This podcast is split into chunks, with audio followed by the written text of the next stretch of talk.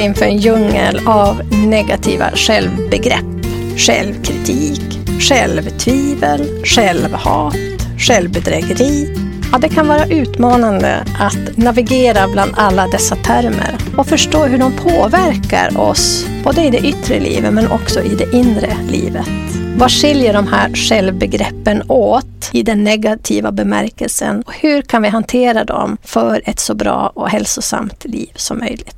Ja, I dagens avsnitt tar vi tur just det här med de negativa självbegreppen. Och vi ska skilja på dem så du kan jobba mer medvetet med dem, för allting är ju inte samma sak. Även om det är mycket själv hit och än dit. Välkommen till Lev som du vill i befintligt skick, avsnitt 8 med mig Lena Olsson Lalor. Ja, det här är en fortsättning från förra avsnittet, avsnitt 7 som handlade om positiva självbegrepp där tog vi upp självkänsla, självtillit, självrespekt, självkännedom. Och här ska vi då gå in på de negativa självbegreppen som svävar omkring i vårt språk. Självkritik innebär att vi ständigt bedömer och kritiserar oss själva. Ofta orättvist och hårt. Det kan komma från tidigare erfarenheter eller det kan vara ett sätt för att motivera oss. Så om jag kritiserar mig och säger att ah, men du är så dålig, du borde kunna göra bättre.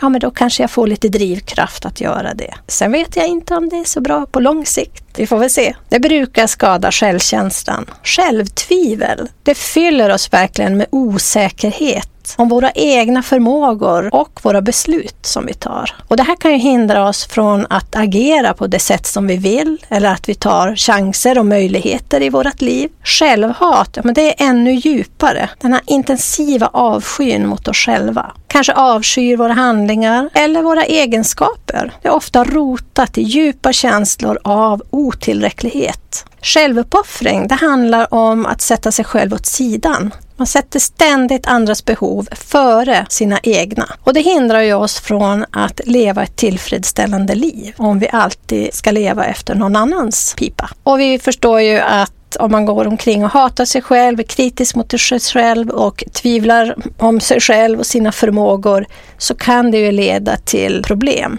som jag har nämnt i tidigare avsnitt, just det här med låg självkänsla, ångest, depression och i värsta fall självdestruktiva beteenden. Och det här kan ju göra att vi har svårt att känna glädje och uppskatta våra framgångar eller ens se vårt eget värde. Och för att jobba med de här självbegreppen, då lärde vi oss i förra avsnittet att vi behöver jobba med självkännedom. Vi behöver även lägga märke till de här tankarna och känslorna och hur jag handlar när jag tänker och känner på det här sättet.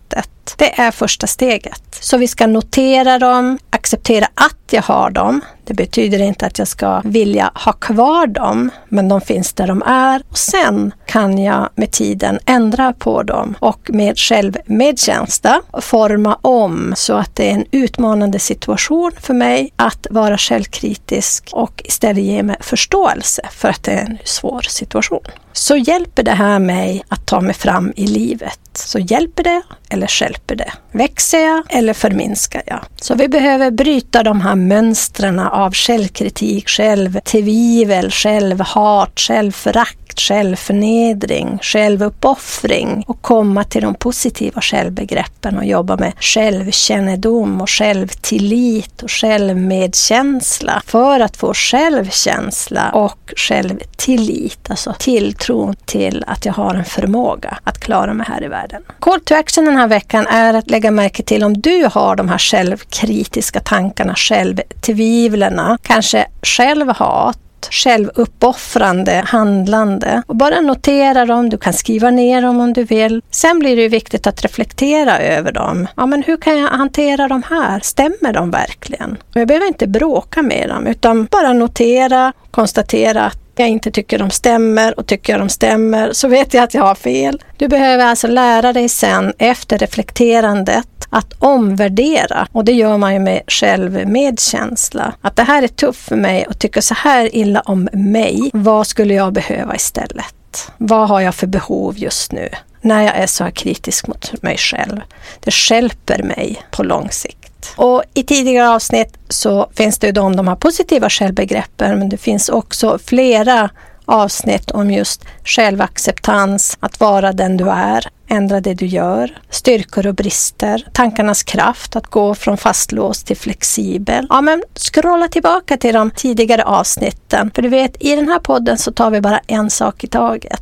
Så utmaningen idag var då alltså att skriva ner de här kritiska tankarna, självtvivel, självhat och bara notera, reflektera över dem, se vad du kan göra för att utmana dem och ge dig självmedkänsla i att det är tufft för mig att tänka så här om mig själv, för det skälper mig och börja ändra ditt mindset kring dig själv. Och jag förstår att det inte är så lätt. I så fall hade du ju redan gjort det här. Vi behöver börja någonstans och vi gör det med självkännedom. Tack snälla för att du tagit dig tid att lyssna på dagens avsnitt. Om det är så att du tycker att de här avsnitten ger dig någonting så följ gärna, ge en recension och ett betyg skulle jag uppskatta jättemycket. Du får gärna dela med någon i din närhet som du tror skulle dra nytta av de här avsnitten. Och du får gärna sprida den förstås. Du kan prenumerera på mitt nyhetsbrev på levsomduvill.se. Du kan också nå mig bäst på hej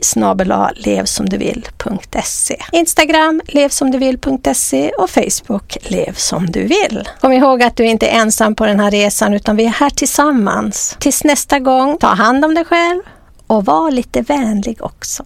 Hej så länge!